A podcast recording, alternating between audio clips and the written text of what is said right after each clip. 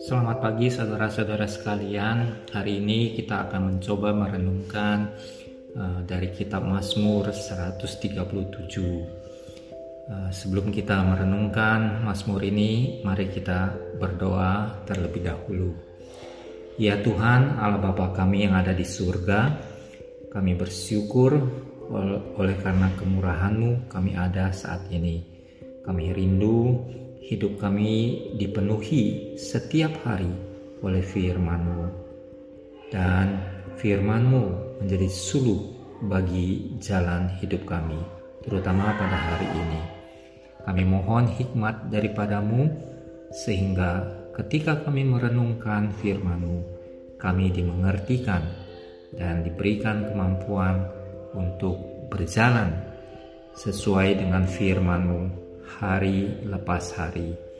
Dengarkan seru doa kami ini ya Tuhan, dalam nama Yesus, Tuhan dan Juru Selamat kami, kami sudah berdoa dan bersyukur pada saat ini.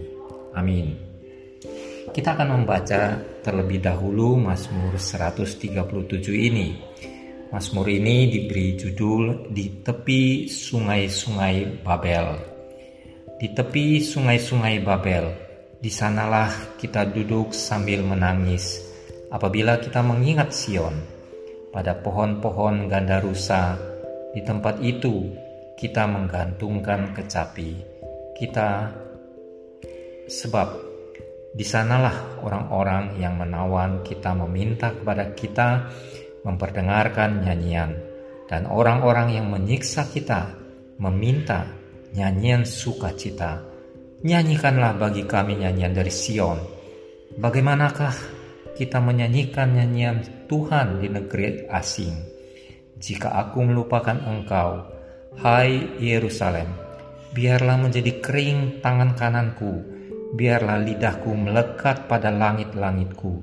Jika aku tidak mengingat engkau, jika aku tidak jadikan Yerusalem puncak sukacitaku, ingatlah Ya Tuhan, kepada Bani Edom yang pada hari pemusnahan Yerusalem mengatakan, runtuhkan, runtuhkan sampai ke dasarnya.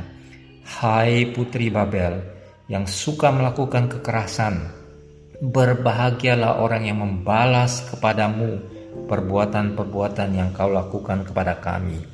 Berbahagialah orang yang menangkap dan memecahkan anak-anakmu pada bukit batu Demikianlah Mazmur 137 ini kita sudah baca.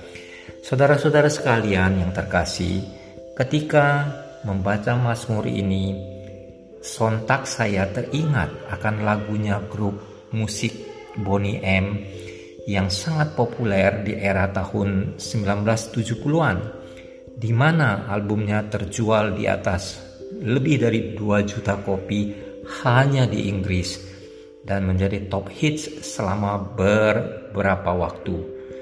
Ternyata memang lirik lagu By the River of Babylon diambil dari Mazmur 137 ini, khususnya ayat 1 dan 2. Bagi generasi baby boomers yang lahir tahun 60-an, tentu sudah tidak asing lagi lagu ini karena begitu terkenalnya tetapi untuk generasi milenial, generasi Z tentu kurang mengenal lagi dari lagu grup musik Bonnie M ini. Nah, apa yang disampaikan melalui lagu Bonnie M ini yang sebetulnya diambil dari Mazmur 170 37 ini memang menggambarkan bagaimana kerinduan dari orang-orang kulit hitam. Bonnie M adalah uh, grup musik orang-orang kulit hitam akan tanah leluhurnya. Mereka demikian juga sama dengan bangsa Israel yang rindu akan nyanyian dari Sion, akan kota Yerusalem.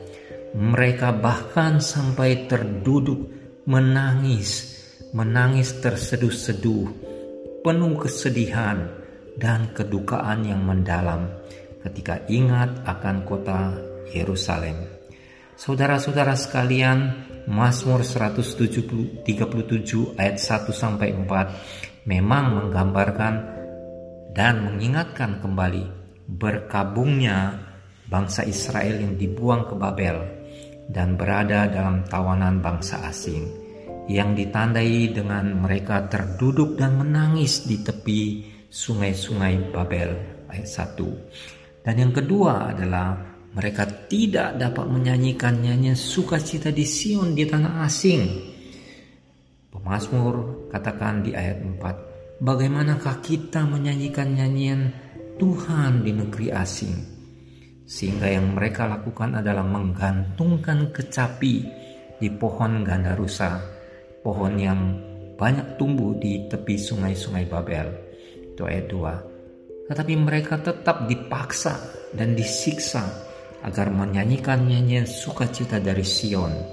Ayat 3. Umat Israel sadar bahwa tantangan dari orang-orang Babel itu membuat mereka, kerinduan mereka pulang ke tanah air. Kerinduan akan hadirat Tuhan memenuhi kata-kata pujian akan kemuliaan Sion sebagai tahta Tuhan. Saudara-saudara sekalian, kenangan pahit yang dialami tidak mudah dilupakan Ketika umat sudah kembali, pengalaman dibuang ke Babel dan ditawan oleh bangsa asing sengaja tidak dilupakan dan tidak akan mungkin dilupakan. Bait-bait Mazmur pun dicipta untuk menemukan dorongan transformatif dari kesedihan menjadi suatu sukacita yang berasal dari Tuhan. Maka hal kedua yang dilakukan oleh pemazmur adalah mengingatkan kembali bangsa Israel agar mereka tidak melupakan Yerusalem. Bagaimanapun keadaan mereka sampai kapan pun. Ayat 5 dan 6. Jika aku melupakan engkau, hai Yerusalem, biarlah menjadi kering tangan kananku, biarlah lidahku melekat pada langit-langitku. Jika aku tidak mengingat engkau, jika aku tidak jadikan Yerusalem puncak sukacitaku, Saudara-saudara sekalian, bagaimana bagian terakhir dari pemazmur adalah pemazmur berseru kepada Tuhan supaya Tuhan menunjukkan keadilannya. Ayat 7 sampai 9. Pemazmur katakan, "Ingatlah ya Tuhan kepada Bani Edom yang pada hari pemusnahan Yerusalem mengatakan, runtuhkan, runtuhkan sampai ke dasarnya. Hai putri Babel, yang suka melakukan kekerasan. Berbahagialah orang yang membalas kepadamu perbuatan-perbuatan yang kau lakukan kepada kami. Berbahagialah orang yang menangkap dan memecahkan anak-anakmu pada bukit batu. Saudara-saudara sekalian, pertanyaannya bagi kita sekarang yang adalah umat Tuhan.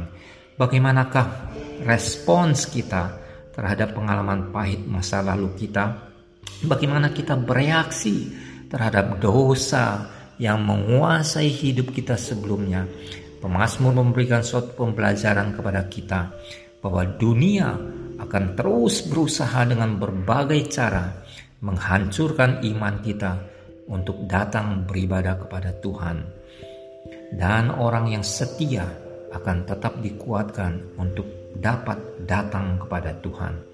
Orang yang setia akan berbahagia melihat perbuatan-perbuatan yang dilakukan oleh Tuhan kepada umat kita sebagai umatnya.